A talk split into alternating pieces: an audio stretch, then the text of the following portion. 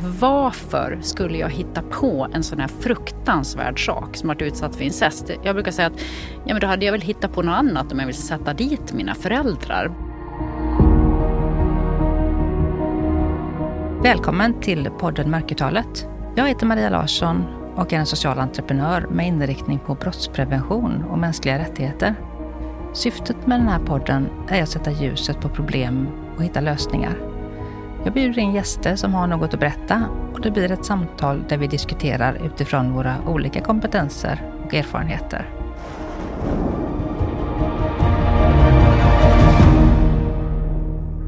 Hej och varmt välkomna till podden Mörkertalet alla. Och särskilt välkommen till dig Lena Morin Nilsén som är generalsekreterare för organisationen NextMe. Tack. Och idag ska vi prata om dig, eh, varför du startade NextMe och eh, hur samhället ser ut. Och NextMe stöttar ju människor som har varit utsatta för incest i sin barndom. Ja. Vill du berätta lite om dig själv till att börja med? Ja, jag är en idag lycklig trebarnsmamma plus två bonusbarn och lyckligt gift. Vilket jag kanske inte trodde att jag skulle få vara, som jag är idag. Men det börjar inte så. Jag har en egen övergreppsbakgrund där min pappa förgrep sig på mig under många år. Men som jag brukar säga, jag är en av de få som har en dömd förövare. Men på den tiden i alla fall så fanns det ingen hjälp att få när man har varit utsatt för incest. Så jag fick ju ta mig fram genom livet bäst jag kunde. Så i alla fall för tio år sedan då startade jag NextMe. För att kunna ge den hjälp och stöd som jag själv inte fick till de som har varit utsatta. Så på den vägen är det. Ja, helt fantastiskt. Och ni har ju växt från ja, dig själv antar jag då och eh, några medhjälpare runt omkring. Hur stora är ni nu? Hur många Ja, eh, det är ju egentligen helt fantastiskt eh, ändå vad som har hänt under de här åren och allt fantastiskt vi har fått sett. Vi är idag sju anställda och sen så har vi ett antal stödpersoner då som är frivilliga som volontärer. hjälper till, volontärer. Mm. Vilket är helt otroligt. Och just i dagens läge så finns vi i Göteborg, Gävle och i Stockholm. Samtidigt som att eh, så har vi ju Skype-grupper, vilket är perfekt. Så nu kan man ju nå faktiskt alla runt om i landet, vilket har varit helt otroligt. Så att vi har eh, olika typer av stöd för alla som har varit utsatta som barn. Mm. Är det stor efterfrågan på era tjänster, stöd och eh, på er verksamhet? Ja, och det har ju såklart från början så var det ganska få när jag var själv och sen har det blivit mer och mer. Och en del brukar fråga, har det blivit fler för att det är fler som blir utsatta? Nej, utan jag tror att det alltid har varit så här många som två i varje klass som är utsatta just för incest. Utan det är bara mer att det har blivit mer okej okay för folk att söka hjälp. Och det är det vi ser mer och mer. Och numera från början så trodde jag att jag bara kunde hjälpa, eller vi då bara kunde hjälpa tjejer och kvinnor bara för att jag själv var kvinna. Men sen fattade jag att det är ju jättemycket män som har varit utsatta också. Så att eh, det är helt fantastiskt idag hur många som ändå söker sig till oss. Ja, och det är ju verkligen så. Två i varje klass, det är ju otroligt många. Det här är ju skamfyllt, tabubelagt eller har varit. Och det är ju otroligt bra att ni jobbar med det. För ni jobbar ju inte bara med att hjälpa och stödja enskilda. Eller, utan ni går ju ut och berättar om det här i skolor, till politiker. Hur ser det arbetet ut? Ja, Nej, men vi kom ju fram till att vi behöver tre ben och det är stöd för alla. Men sen mm. är det ju utbildning. För att det jag förstod ganska snabbt det är ju att de som vi säger kanske, om det är någon som är utsatt och så kanske det är någon som ringer socialtjänsten och gör en anmälan till exempel. Då. Och då förstod jag att om de personer som ska ta emot det här ärendet inte är utbildade inom incest så är det ju väldigt svårt att oj, hur ska jag hantera det här? Och det märkte jag och det blev en frustration i mig också när jag träffade barn som inte kände att de fick rätt bemötande när de kom till socialtjänsten. Så därav började jag ju förstå att Nej men oj då, det kan ju vara så att det inte finns utbildning. Så jag kollade ju på Socialhögskolan, jag kollade på ja, allt, olika linjer och fattade att ja, men det här är ingen obligatorisk fråga som man tar upp. Och därifrån till idag så är det faktiskt så att vi får vara ute på vissa högskolor och universitet, vilket jag är otroligt tacksam för. Och vi har varit väldigt mycket ute i skolorna. Eftersom jag själv gick mellan mellan jag var 12 till 17 år. Så för mig har just det här högstadiet, gymnasiet, har ju jag velat ut till. Så jag, vi har ju varit ute och föreläst för väldigt mycket elever, lärare och eh, även sjuksköterskor, skolsköterskor. Så att eh, det har ju varit fantastiskt faktiskt. För vi har ju fattat att om man inte förstår vad det här ämnet innebär och inte har någon utbildning eller inte ens förstår att det finns, då är det ju väldigt svårt att ens uppmärksamma den här typen av problem att den finns här mm. och att vi har den i vårt eget land och att det här är ingenting som bara kommer från alla andra folkslag som jag faktiskt får höra ibland. Nej, nej, absolut inte. Precis som du säger att eh, bristen på kompetens och utbildning i det här gör ju att man inte kan närma sig det. Och det finns ju också, när man tittar på hur socialtjänsten jobbar enligt BBIC, då, Barnens behov i centrum, så finns det liksom inte med de här mekanismerna bakom våld eller övergrepp. Så att det, när det inte finns påtagliga bevis eller man inte har den här specialistkompetensen som utredande personal så är det oerhört svårt att upptäcka det. Så att ni gör ju ett otroligt viktigt arbete genom att gå ut och utbilda och föreläsa och, både i skolor och på universitet.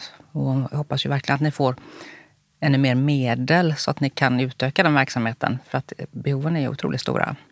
Och därför kände jag också att det var så viktigt att få bjuda in dig till podden här för att uppmärksamma både ert arbete och hur viktigt det är och bra ni, saker ni gör. Men också sakfrågan i sig då. Och, um, du sa tre ben där på NextMe. Var det stöd, ja, precis, utbildning ja. och opinion? Opinion, Såklart. Precis. Ja. berätta om och det. det är ju just det att vi vill ändå komma ut, vi säger till politiker, Eh, sådana som ändå kan göra förändring i förändringsprocess. Då, så att vi kan också få se en skillnad på vad det gäller, vad det gäller domar, vad det gäller att eh, den här typen av övergrepp, ja det är väldigt få som blir dömda. Och det är ju någonting som vi skulle vilja se en förändring på. Hur den ska gå till och då måste vi jobba politiskt och försöka få en förändring i det systemet vi har idag. Så det är ju, plus att vi då vill få ut frågan såklart så att även den politiskt sett finns med. Mm. Ja, jag tänker ju lite annorlunda än vad många andra gör märker jag när jag är ute och pratar med människor. När man tittar till exempel på polisens ja, men uppklarningsprocent och vad gäller just sexualbrott och brott mot barn då, så ser den ju olika ut runt om i Sverige. Mm. Och då tolkar jag det som att det här är en intressefråga. Alltså för den här typen av brott ser ju väldigt lika ut, hur de går till. Mm. Och då om man har olika uppklaringsprocent, då betyder ju det att man har tillsatt olika slags resurser för att utreda de här typen av brott. Och då är, beror ju det på intresset för frågan. Hur tänker du kring det? Ja, jo, men det är ju precis det vi upplever. Vi upplever ju att det finns advokater som verkligen eh, brinner för frågan. Vi har träffat eh, en del poliser som också vill och som tror på de stödsökande som vi tar med. Men det är ju sen det kör fast så läggs det ofta ner av åklagaren. Och det är ju en frustration från oss för att det heter hela tiden att det är brist på bevis. Och jag tänker mer att det har hetat så nu de senaste 20 åren. Och min fråga är bara, ska det fortsätta se ut så här 20-30 år framåt? Att just den här gruppen av utsatta barn som aldrig, det handlar inte om grooming, det handlar inte om att eh, bilder kommer ut på nätet, du kan hitta bevis, det handlar inte om att någon fler finns i rummet. Vi kommer helt enkelt inte att ha konkreta bevis. Så då är frågan, ska vi om 20 år säga Nej, men det går aldrig att åtala någon som har förgripit sig på ett barn för just när man är själv hemma. För de här brotten är ju ofta bakom stängda dörrar där det inte finns några vittnen. Ja, kommer ju i kommande avsnitt och prata med Monica Lannes eh, Dahlström som är för detta polis, eh, jobbade och tog fram Eskilstuna-modellen. Jag tror att de fick upp till 75 procents uppklarningsprocent på sina brott under den tiden hon var verksam där i Eskilstuna på eh, sexualbrott mot barn. Och det är ju jättehögt. Och de hade ju ett speciellt tänk kring det genom att utreda snabbt och, och nypa förövaren väldigt, väldigt snabbt när man fick kännedom om det här. Och det önskar man ju då, att man kan titta mer på den modellen och börja jobba på det sättet igen då. Men eh, ja, vi återkommer till det om mm. något avsnitt längre mm. fram här. Nej, men det är precis det jag har tänkt också. Att om det har funnits en modell som har fungerat bättre så mm. tänker jag, varför använder man sig inte av den då? Det är ju lite som vi tänker, precis när jag mm. också har hört henne prata mm. förut. Mm. När, som du säger, det finns en upparbetad modell och den fungerade och den var väldigt verkningsfull. Så den borde man ju absolut damma av och ta upp igen, tänker jag. Det är ovanligt i ditt fall då, i och med att du har en dömd förövare. Ja. Så jag tänkte vi skulle prata lite om det och framför allt då hur viktigt det är att få äga sin historia. Så att en dömd förövare gör ju att det blir lättare att prata om och äga sin historia. För det finns ju alltid det här kluriga med förtal. Då. Hur, mm. hur, tänker du kring det här och hur har du förhållit dig till det? Och vad har det betytt för dig att du ändå har gått ut med det? För du har ju verkligen ja, gått ut med, det här är jag, jag äger min historia. Och på ett beundransvärt sätt. Alltså det är ju magiskt att se dig och höra dig och hur du utstrålar sån liksom glädjeenergi, även om jag förstår att det inte alltid känns så på insidan. Men hur mycket kraft och styrka som du ger till andra bara genom att du är du. Så att, hur ser du på det här med att äga sin historia och är det viktigt? Ja, ja, det är jätteviktigt. Och jag satt precis och tänkte på det här innan. För mig fanns det liksom inget val. Och på den tiden, jag tänkte aldrig på att det här var bra att äga sin historia. Jag tänkte aldrig på det här med förtal som man nu blivit mycket snack om de senaste åren. För väldigt länge sedan så var det ändå som att jag kände att jag måste prata om det här. För att jag fattade att det måste finnas andra där ute som har varit utsatta precis som jag eftersom jag aldrig knappt hade träffat på någon. Jag kommer ihåg att jag fick förfrågningar. Ja, men tänk om det blir förtal och han kommer och... Ja, tänkte jag. Men vet du vad, då får det hända. Det var liksom hela min inställning och jag kände bara att jag måste få berätta den här. Och egentligen var det aldrig för att hänga ut bara min förövare eller mig själv utan det var mer för att använda det som en illustration av att ja men titta, folk kan se ut som jag och det här händer i Sverige. Jag kommer från en övre medelklassfamilj i Dalarna där man absolut kanske inte tror att det händer utan man tror att det händer inom förort eller folk som har sociala problem. Medan nej, säger jag, det är precis lika vanligt i alla oavsett etnicitet eller vad man tror på eller inte tror på eller ekonomi har ingenting med ekonomi att göra. Det här är en helt annan. Så för mig var det liksom att jag måste få berätta om det här. Och jag förstod ju då också att nu hade jag ju den turen att de trodde på mig och att pappa blev dömd. Och jag kände att ja, men det här måste, jag måste få ge andra hopp om att det faktiskt går att få bli lyssnad på. Så att eh, jag tycker ju fortfarande att vi ska anmäla, att man ska gå och oavsett, även om det nu inte kommer bli en fällande dom, men det som är fantastiskt ändå som gör att jag övertalar eller försöker då uppmuntra de som kommer till oss att faktiskt våga gå och anmäla. För då brukar vi följa med till advokaten och hos advokaten så kommer polisen dit. Vilket gör att advokaten tror på dem plus att faktiskt de poliser som kommer dit tror på dem så att den stödsökande får känna liksom, ja men de här tror i alla fall på mig. Plus att vi då på NextMe tror på dem. Även om det sen inte blir en fällande dom så har det ändå blivit en slags liten upprättelse i alla fall. Mm. Så att eh, ja, jag tycker att eh, någon form av upprättelse, det behöver man ha. Eller just det här få någon som bara tror på ens historia. För det är ju otroligt viktigt. Och sen kan jag tycka att det är lite tråkigt det här med att det har kommit väldigt mycket så att folk ska bli nästan skrämda av det här med förtal. Som att det skulle vara så att folk blir ännu mer tystade. För att vi måste kunna få tala om det som har hänt utan att någon ska kunna skrämma oss med det. För jag tror att det är otroligt viktigt för den som har blivit utsatt att bara få berätta. Ja, och jag har ju täckt liknande tanke kring vad jag gör då. Att jag på något sätt outar även om jag inte pratar om det speciellt mycket då med min bakgrund och varför jag har den erfarenheten jag har. Men jag har också känt det att man måste ju berätta. Några måste ju berätta. Och det kan inte bara vara de som man tänker, som man får höra i media, som är helt safe för media att berätta om då. Där våldet har varit så otroligt grovt och så sett ut på ett visst sätt som gör att de vågar ta upp de här fallen i media. Utan alla de som är på den nivån som jag har haft det då, att vi också får höras och synas. Och är det så då att det är förtal så får det avgöras i domstol och så får jag ju ta det straffet i så fall. Mm. Jag känner man måste få äga sin historia för att det är till så mycket läkning för sig själv och för andra som då får höra och förstå och förstå att man är i samma situation och kanske ta sig ur och avbryta våldet mycket tidigare än vad som behöver... Så det måste ske tidigare idag helt enkelt. Man måste ta sig ur det.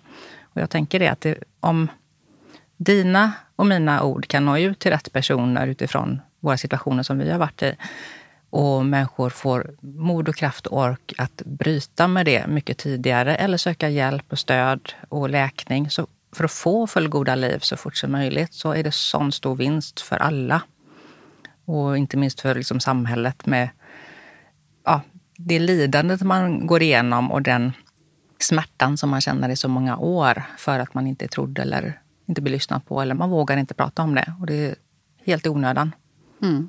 Ja, men det är precis det som är mitt Alltså syftet med att jag ens orkar på och jobba med det här det är att jag känner att ju tidigare någon kan få hjälp desto bättre är det. Det är ju en mindre kostnad för samhället.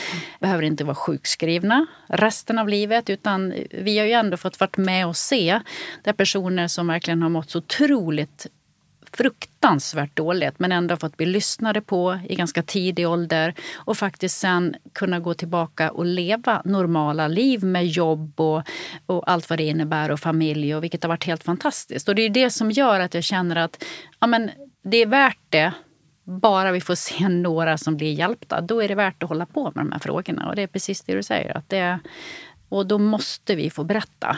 Också för att ge hopp. För det är det som var hela mitt syfte, eller är hela mitt syfte. Det är att inge hopp. Det är liksom inte bara för att jag ska prata om min story, utan det är för att få någon annan att förstå. Om jag kan få må så här bra, så kan du också det. Det är liksom mitt budskap.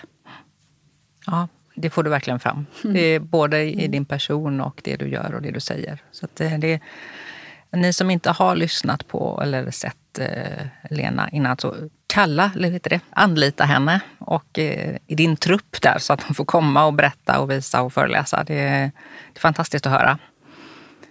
Vad skulle du vilja säga till de vuxna människor som eh, finns i barns närhet när barn har signalerat och inte vill träffa sin förövare eller träffa sin mamma eller pappa då som har burit sig illa mot dem. Det är väldigt vanligt att vuxna människor runt omkring säger att det är ändå din pappa eller din mamma. Och ger någon slags skuldbeläggande på barnet för att de ska träffa dem trots att det då har skett saker. Vad tänker du kring det? Vad skulle du vilja säga till de vuxna personerna? Ja, det här är ju någonting som jag tänkte att eh, barnkonventionen, redan där, den som då jag kanske tycker att den har inte tillämpats. Jag tycker fortfarande inte att den tillämpats. Just det här enkla att lyssna på barnet.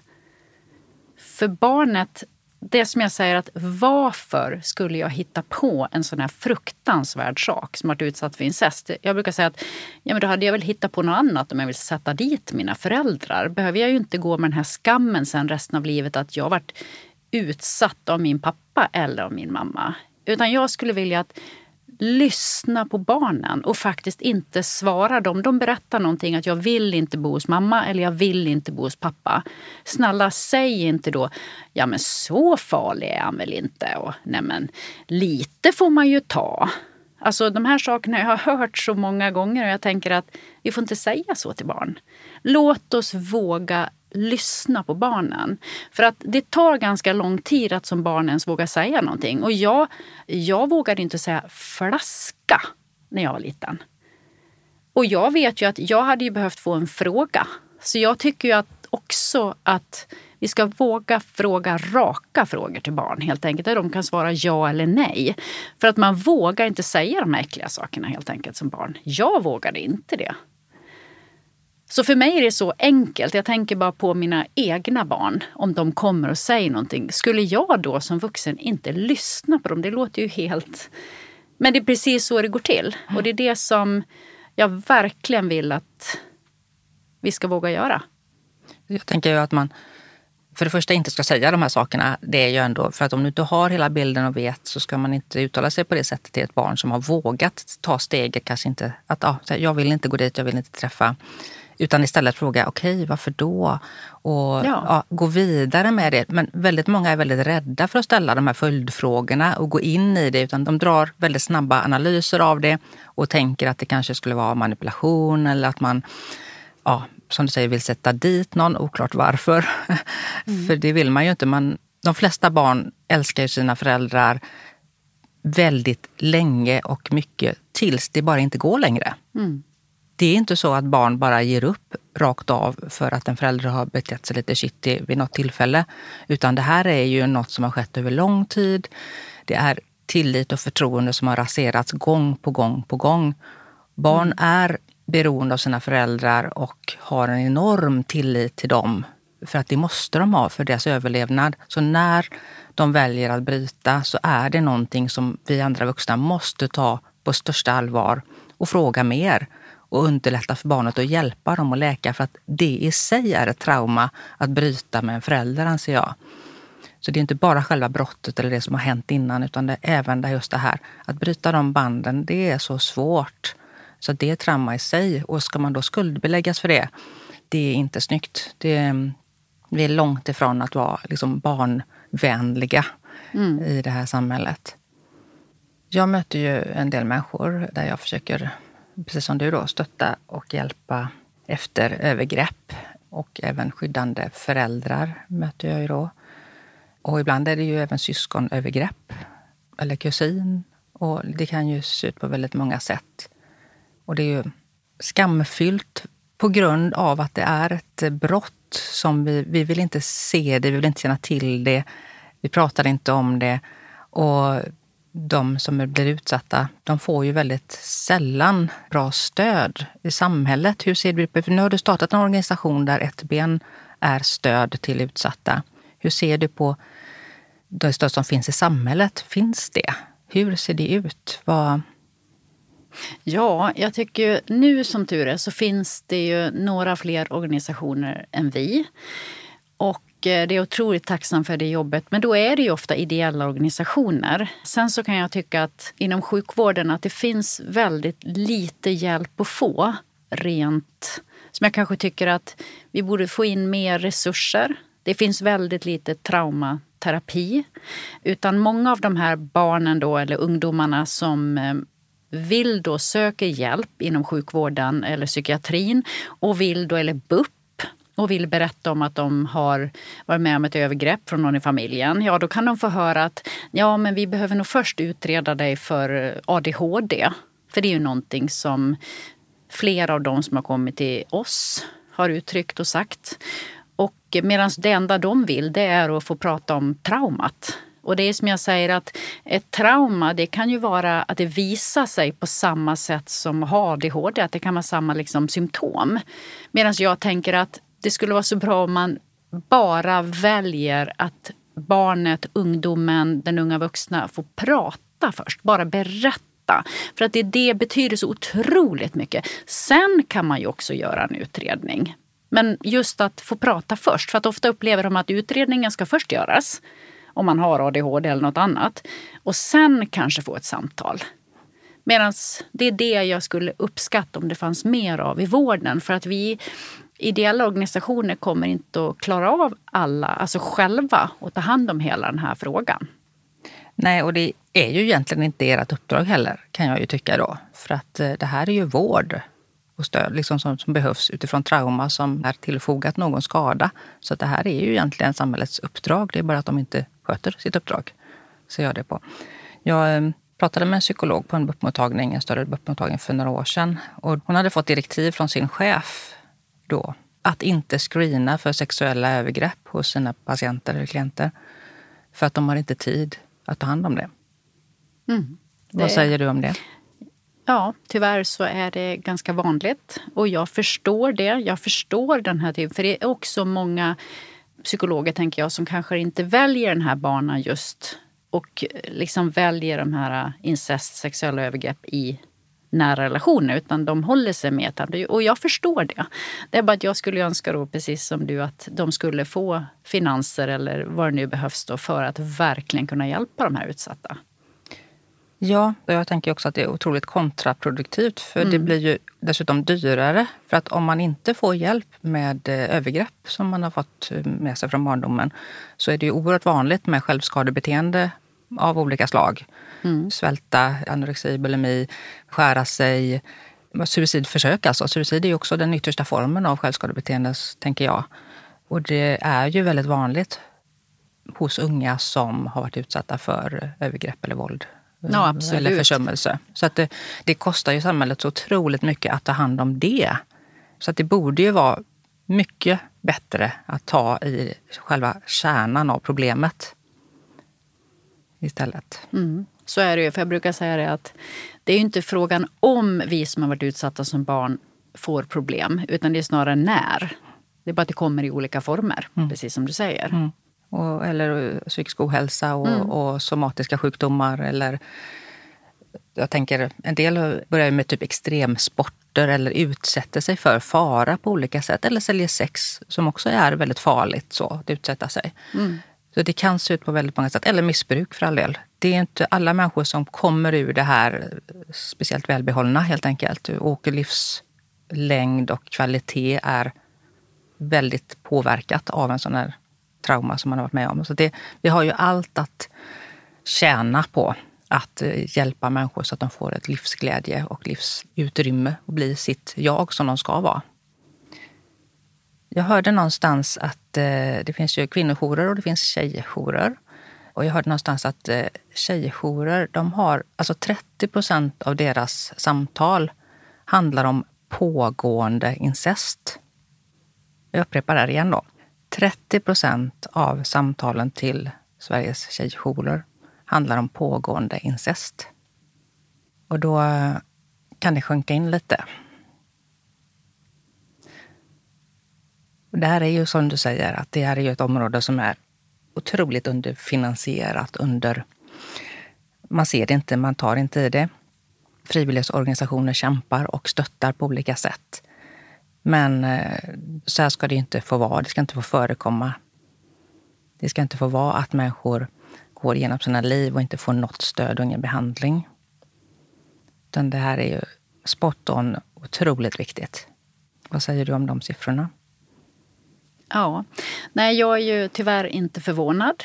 Och det är såklart att vi önskar att det ska komma mer, speciellt vård där vi kunde ta de som kommer till oss, att samarbeta med vården så att vi kan stå för stöd i kombination med vård. Så det är klart att det är en enorm brist och, och mitt hjärta slår ju för alla ungdomar och barn som ändå vill få hjälp och att vi inte har den kapaciteten. Så det är klart att vi kommer att göra allt vi kan och vi hoppas och tror att det kommer att komma även inom vården ännu mer resurser till det här och att man verkligen tar det här på allvar. För det är ju vi kommer inte att ge oss. Vi kommer ju att försöka stötta så mycket vi kan tills någonting händer. För så här tycker vi att det inte ska få se ut.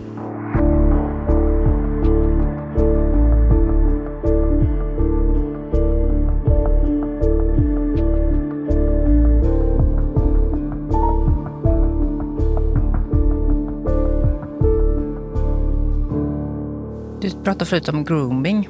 Och där tillsätts ju lite resurser. Man har hos polisen särskilda grupper och så som jobbar med det för att och, ja, detektera helt enkelt och följa spår och följa upp IP-adresser och sånt där. Då, för det ser ju ut på ett annat sätt. Då. Och grooming är ju alltså att en, en vuxen person tar kontakt med ett barn i sexuellt syfte.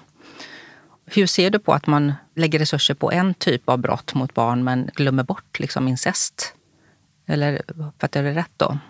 Ja, det är ju lite spot on där när du säger sådär. För att det är precis så det känns. Att bara för att det här blir, det känns lite som att det här ämnet inte riktigt, de här barnen Ja, men de är inte så många. Det kanske inte är lika fräckt att utreda. Det kanske inte blir liksom att man kan avslöja en hel razzia. Jag kan förstå om det är ekonomiskt. Jag kan förstå att polisen inte har resurser där. Men jag skulle önska att man kunde lägga mer resurser på att faktiskt få tag på de här förövarna där det sker hemma i hemmen bakom lyckta dörrar. För det känns som att det inte är lika poppis på något vis. Eh, utan att man inte kan tänka så utan vi faktiskt måste göra någonting mer istället för att man tänker att man ska spränga en stor liga. Ja, men att eh, de här barnen också ska få, att det ska kännas som en enorm vinst att bara få tag i några barn. Man kan ju tolka samhället som det ser ut som att de här barnen har inget värde. Så kan man tolka det då eftersom man inte mm. satsas på att utreda mm. den här typen av brott. Trots att det är ja, så förödande för många barn som får uppleva det här i sitt liv. Och jag tänker också att den här typen av brott, det är också något som pågår under väldigt lång tid. Det är ju sällan det är ett engångsbrott utan det här pågår under år, åratal. Mm. Ibland under hela barnens uppväxt. Så det här är ju liksom... Ja, det är så viktigt att adressera det här och få kunna jobba med frågan och möjliga sätt att förhindra och stoppa, förebygga incest. Jag tänker att man kan stärka barns integritet, kan vara en sak. Hur tänker du? Har du några förslag kring hur man skulle kunna förhindra eller också avbryta? Ja, det är ju först det som kanske vissa förskolor är bra på idag. Det här med stopp min kropp och man pratar en del om det. Och på skolorna så kanske man börjar prata lite mer om det. Men problemet blir ju då när de här barnen kommer och berättar någonting. Om vi då inte lyssnar på dem så kommer de att vara livrädda för att säga något mer. För man är ju jätterädd för att åka tillbaka till sin förövare. Så jag tänker att det är såklart det är information, det är att ställa frågor rakt ut. Jag hade ju hoppats på att alla barn i skolan vi säger när skolsköterskan ska hålla de här, det är i klass 4 och klass 8, så brukar man ha ett samtal där skolsköterskan har en möjlighet att ställa raka frågor. Och då brukar jag tänka, kan våran fråga också få vara med? Den här, är du utsatt för incest hemma? Alltså någon mm. typ av sexuella övergrepp, att man säger den rakt ut.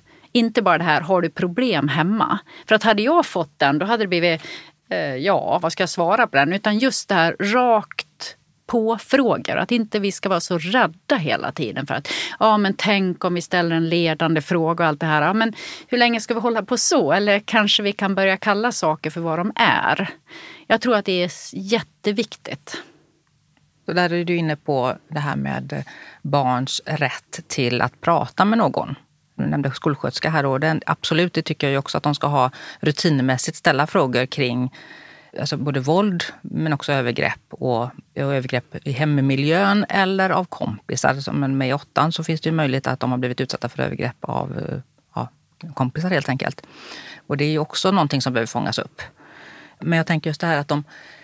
Idag är ju barn, trots barnkonventionen, så är de ju faktiskt föräldrarnas ägodelar rent juridiskt sett. För de har ju inte rätt att ha en kuratorskontakt själv, inte ens i skolan, utan föräldrarnas medgivande. Och det är ju åtminstone min erfarenhet att en förövare är ju noll intresserad av att barn ska få kuratorskontakt. de vill ha det minst, minsta möjliga antal inblandade i sina angelägenheter som möjligt. Så det är ju inte förrän vi ger barn faktiskt juridiska möjligheter att faktiskt söka kontakt, vårdkontakter själv i skolmiljö eller i vårdcentral som vi har möjlighet att adressera och hjälpa dem. För att som det ser ut idag så de blir ju förbjudna det hjälper inte ens att man har separerat ifrån en misstänkt förövare för att det är ju ändå så om man har delat vårdnad att den ska godkännas av båda. Så här behöver ju både föräldrabalken steppa upp lite vad gäller att se hur kan vi tillvarata barnens intresse och barn, följa helt enkelt barnkonventionen. Så att de blir egna juridiska personer. Hur ser du på det med barns möjlighet att mm. faktiskt få hjälp och stöd? Nej, det är ju just det. För då blir det det här att ja men vi ska helst då inte stötta barn för att då ska förövaren och den andra föräldern godkänna detta. Och jag tänker så här att jag hade aldrig vågat sagt någonting när jag var liten. Till exempel. Och det här med att min pappa då skulle ha skrivit på det, men det hade han ju aldrig i livet gått med på. Alltså för mig är det så, det är så otroligt konstigt att ens tänka att en förövare skulle gå med på det. Varför skulle han eller hon går med på det. Så jag tänker att vi måste komma på någonting annat så att barnen vågar prata. Ja, för mig är det ju väldigt enkelt. Alltså, ja. barn, skolan ska vara en, för dem en våldsfri miljö och fri från övergrepp och den problematik som de upplever hemma. Och också en möjlighet för dem att söka hjälp där. via, det finns ju ändå skolsyster och eh, skolsköterska och en, oftast en psykolog som eh, ja, finns att tillfråga eh, kring ärenden. Så. så det ska ju absolut vara en plattform för dem där de kan förstå att de är utsatta för övergrepp genom utbildning. Så det ska ju finnas i läroplanen anser jag. Med vad är våld i nära relation? Vad är sexuella övergrepp? Vad är en bra relation? För det måste man ju kunna jämföra med. Om annars vet man ju inte vad, när man går vidare i sitt liv och har en relation och våld bland unga är väldigt vanligt.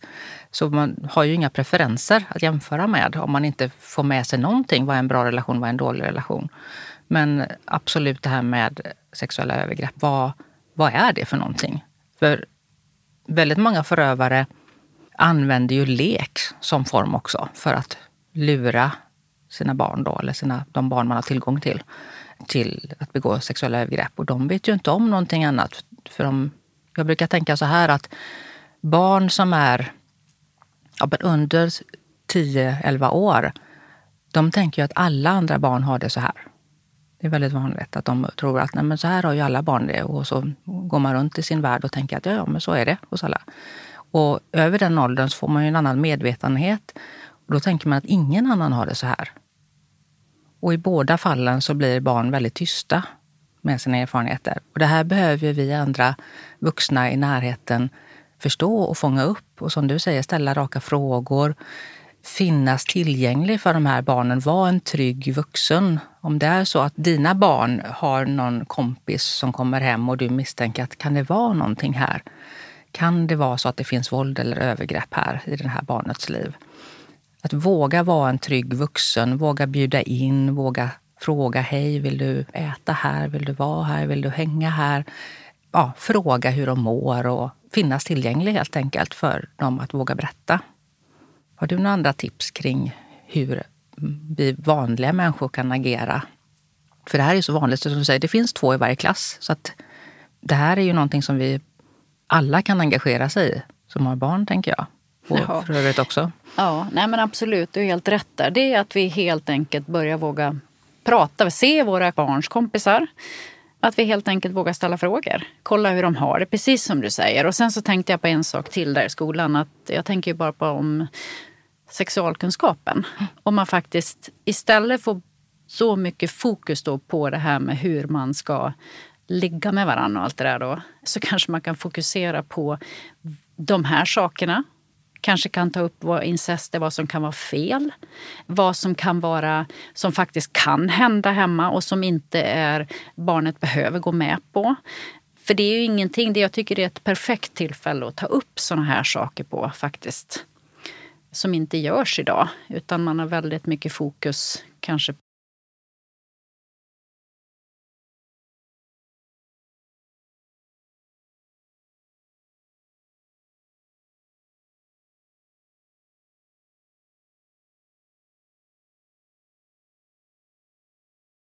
sexualfilmerna med, med alla, för mig var det ju liksom, jag vill inte se porr.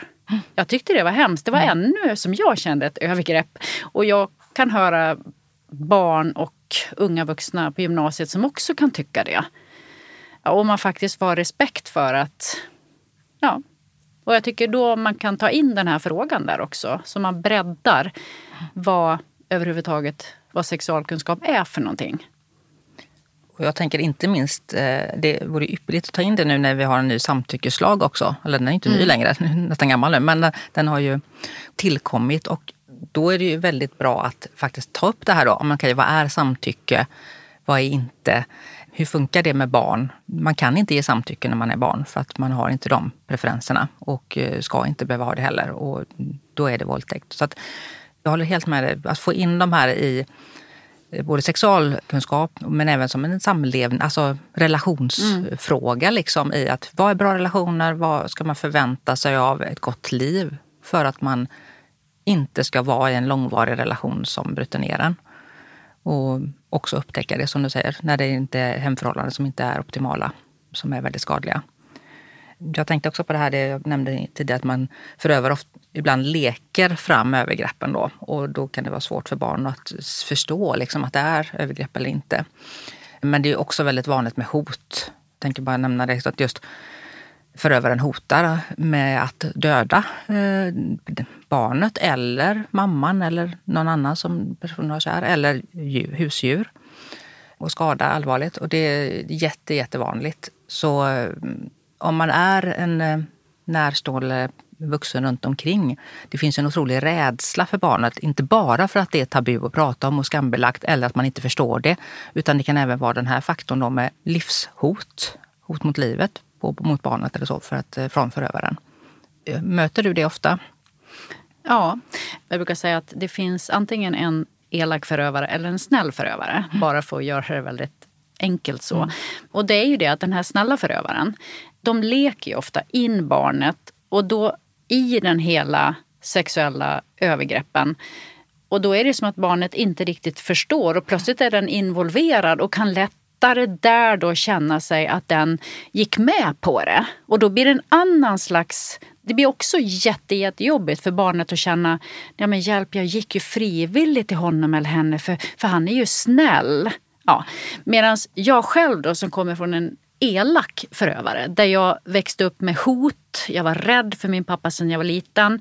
Så för mig var det ju som att jag visste ju på något vis att det här bara var hemskt och jag ville ju bara därifrån.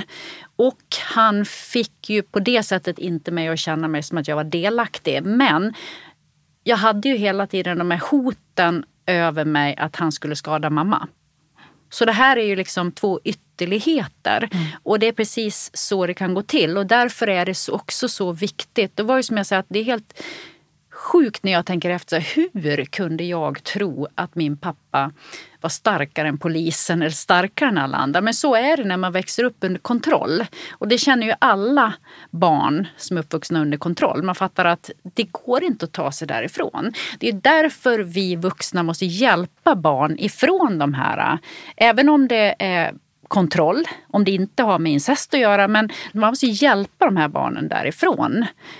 Och därför så har vi en sån enorm uppgift, tänker jag, bara som medmänniskor också, att se till vad är det som händer i de här familjerna och faktiskt våga ställa oss upp och göra någonting åt det. Än att bara liksom slinka förbi och man vill inte se och man orkar inte ta i det och så vidare. Utan att vi faktiskt ställer oss upp lite mer. Mm. Lite mer civilkurage när det gäller de här frågorna. Ja, verkligen så. Och också tänker jag att man har en skyldighet att förkovra sig i vad innebär det här? Vad är det här för typ av brott? Hur går det till? Kanske genom att lyssna på den här typen av poddar där, människor och du och andra utsatta berättar om det och förmedlar sin kunskap. Och du har ju en bok på gång också. Mm. Hoppas vi, som det släpps eh, inom ett år hoppas vi. Ja, den kommer i oktober. Oktober, så, Åh, så snart. Ja, Bra. på Lind Company. Ja, men mm. perfekt. Bra, för då all sån här eh, möjlighet att få kunskap är ju så viktig för att kunna förstå hur det går till. Som du säger, det finns alltså god och ond förövare. Hur ser de bindningarna ut? Hur, just när du säger med god, god vi säger, men en förövare som leker fram eller lurar eller mutar ger presenter, får barnet att gå med på saker eller som du säger, eh, faktiskt gå dit frivilligt. Liksom. Och den bindningen som kan vara väldigt svår att förstå om man inte har levt i en sån antingen våld i nära relation eller varit utsatt för övergrepp. Så är de väldigt svåra att förstå. Men vi som vet, vi vet. Och den skammen också, alltså förhöjda skammen som blir när man då tänker om sig själv att jag har gjort det här frivilligt, jag har gått med på det här. Den är ännu större, den skulden och skammen. Och då behöver man vara ännu mer varsam med de personerna som vågar berätta det här. För det är en resa att gå. Mm. Att nämna det, att våga berätta hur det såg ut och att ja, men jag fick den här gåvan, jag fick den här resan, jag fick, vi gjorde det här. Liksom. Och det är så synligt också när man läser om andra människor som har varit utsatta för incest eller eh, sexuella övergrepp i nära relationer. Hur de här förövarna, de planerar ju de här sakerna. Det blir en resa, det blir liksom en, någonting som är förknippat med åh, nu ska vi göra det här trevliga, spännande, roliga. Ja, men det kostar någonting då. Mm. Mekanismen i, den, i det förövarbeteendet, den behöver ju fler förstå och bli medvetna om för att kunna genomskåda det och se det i sin närhet, för den finns överallt. Mm. Då tänker jag bara på en sak som jag var med om ganska nyligen. Jag tänker på det här när barn ska tvingas till tvångsumgänge med en förälder då som har varit eh, anklagad för övergrepp men som kanske inte har dömts. Då tvingas barnet tillbaka. Och då tänker jag så jag blir så förvånad när jag då får höra hur det här barnet, när de ska få träffa, i det här fallet eh, pappan, med för att få till ett umgänge och då får pappan ge presenter. Någon dyr grej. Och då tänker jag så här, varför får man ens då som förälder, eftersom vi har nu liksom, verkar ha rätt till absurdum till våra barn. Och så tänker jag sådär att ja men det kan ju vara så att barnet då, ja men jag kan gå med och träffa den här föräldern som jag egentligen inte vill vara med. Men om jag vet att jag kommer få en dyr present, ja men då går jag dit för presenten. Och jag kan bara tycka, varför har man, i och med att du också nämnde här om att när man har varit förgripen på, det var ju lika med min pappa, då visste jag att det fanns något slags dåligt samvete. Och då kunde jag ju också till slut lära mig att utnyttja det genom att ställa en fråga om jag fick åka på något läger eller någonting. För jag visste att det fanns ett uns av. Och då ser man ju hur det här blir och då tänker jag så här, vi kanske ska tänka på sådana här saker mm. också då när man försöker tvinga barn till tvångsumgänge att ja, men man får inte ge presenter då till exempel. Eller bara en sån där mm. enkel sak tänker jag. Eller, ja men exakt, ja. verkligen så. Att förstå de här hur förövare tänker och gör och försöker då, ja, underbygga sitt case om man mm. säger så. Och framförallt så vill jag ju, alltså det här med tvångsumgänge, det måste upphöra nu. Pronto nu alltså. Jag håller med Mahatma Gandhi där att ett samhälle ska bedömas efter vilka insatser man kan göra för de allra mest utsatta. Och här har vi de allra mest utsatta barnen. Vi vet ju att det är så låg grad av anmälning i det här brottet. Mm. Alltså det är väldigt få som mm. anmäler. Det är väldigt få som går vidare till åtal och det är väldigt få som blir dömda. Så när man räknar hela den kedjan så handlar det faktiskt om promille som blir dömda. Och då har vi alltså ja, egentligen straffrihet på det här brottet, kan vi säga då idag. Och vi har så många som inte blir dömda, som går fria. Det här brottet har ju hänt. Det är inte så att det inte har hänt, det är bara att mm. vi inte har bevis på att det inte har hänt. Och det är en helt annan sak. Mm. Och vi behöver skydda de här barnen trots att det inte har en fällande dom. Så här har ju socialtjänsten en grannlaga uppgift att sköta sitt arbete, göra sina utredningar och i de här fallen då där barnen visar så tydligt att jag vill inte träffa den ena eller den andra föräldern, eller båda då om de har gjort saker tillsammans mot barnet, så behöver socialtjänsten verkligen fördjupa sig i det. Varför då? För det krävs så mycket av ett barn att inte vilja träffa en förälder. Så bara där är det sådana alarmerande varningssignaler som behöver tas på största allvar. Och inte tvingas, utan hellre, okej, okay, hur ska vi se så att vi kan hjälpa det här barnet att läka och hur ska vi i så fall kunna ge insatser till den här förövaren som då har bristande förmåga på olika sätt, tänker jag. Ja. Och behöver insatser från samhället för att uh, upphöra med det. Ja, du har ju helt rätt. För mig är det helt förvånande hur att vi på riktigt 2023 tar oss rätt rätten att tvinga ett barn till någonting. För i många andra, då vill vi liksom, nej men vi är så fria, vi gör och folk ska få göra vad de vill och vad de känner för. Men i det här läget, då ska vi tvinga ett barn. Jag tänker bara, hur kan vi göra det? Och gå hem och sova med gott samvete. Jag känner bara precis som du säger här och precis som den här frågan har faktiskt tagits upp här av Unison som har gjort ett jättebra jobb i att det här måste upphöra. Vi måste göra någonting åt det här med tvångsumgänge nu. Vi kan inte vänta. Ja. Nej, verkligen så. Vi har fått barnkonventionen och eh, jag tänker att vi har ju lyckats på väldigt många andra områden med att involvera barn i frågor som de ska beröras av och eh, bli tillfrågade i. Men det här området har vi absolut inte lyckats. Alltså barns rätt till skydd, barns rätt till vård, barns rätt till att äga sin egen person och, och söka vård själva. Alltså vi är ju vi är långt borta, men det borde vara så enkelt. Titta på föräldrabalken, titta på skolan och de möjligheter som skolan har att liksom jobba med den här frågan, både utbildningsmässigt men också resursmässigt i att barnen ska nå den hjälp och stöd som finns genom skolans ja, resurser helt enkelt. Det är så märkligt att man kan sitta och prata så här om ett ämne som är helt fruktansvärt.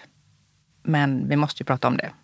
Det är jätte, jätteviktigt för det är så många människor som lider i det tysta och har erfarenheter som de inte har vågat prata med någon av. Man kan ju höra av sig till NextMe, eller hur? Hur gör man det? Hur kan man höra av sig? Ja, nej men ni är jättevälkomna att höra av er till oss på nextme.se eller om du har varit utsatt så kan du mejla på help.nextme.se. Och det finns inga dumma frågor och ni är jättevälkomna att ställa vilka frågor ni vill om ni behöver hjälp, om ni känner att Eh, på något vis att vi kan hjälpa till med något. Och speciellt för dig som kanske lyssnar som har varit utsatt själv eller känner någon annan så vill vi finnas här som ett stöd. För att jag vet också att det går att få hjälp. Det går att få må bättre. Och då vill jag uppmuntra alla till att eh, som jag brukar säga, att inte gå omkring och skämmas längre för att man varit utsatt för det här. Oavsett om man är ung eller äldre. Så våga ta hjälp och att vi, vi vill finnas här. Mm. Jättebra. Våga ta kontakt, våga berätta. Det här är ju människor, Lena med sitt kompani, som är duktiga, som verkligen vill. De väntar på er att, att ni ska ta kontakt. Och gå inte en dag till och vänta på att det ska kännas bättre eller bli bättre, utan våga prata med någon ni andra som har, sitter på positioner där ni kan förändra och förbättra samhället. Du kanske jobbar på socialtjänst eller du jobbar inom polisen och så. Ta även kontakt då för att se vad kan ni göra, vad kan vi förbättra? Vi har lagstiftning idag som faktiskt inte tillämpas fullt ut. Det finns mycket utrymme att göra bättre och bli bättre på det här. Och det är också därför den här podden är startad, för att vi ska prata om svåra saker, men vi ska göra det lösningsorienterat och vi vill hjälpas åt. Vi vill alla ha ett bättre samhälle där vi kan må bra och ha det bra. Det finns mer information i avsnittsbeskrivningen till det här avsnittet vart ni kan vända er. Stort tack för idag Lena. Fantastiskt att ha dig här. Tack snälla att jag fick vara med idag. Du gör ett fantastiskt jobb. Tack. Om du känner igen dig eller förstår att någon i din närhet är drabbad så finns det mer information om vart du kan vända dig i beskrivningen till det här poddavsnittet. Där finns även information för dig som tycker det här är viktigt och vill stötta den här podden, antingen via Patreon eller Swish. Vi hörs!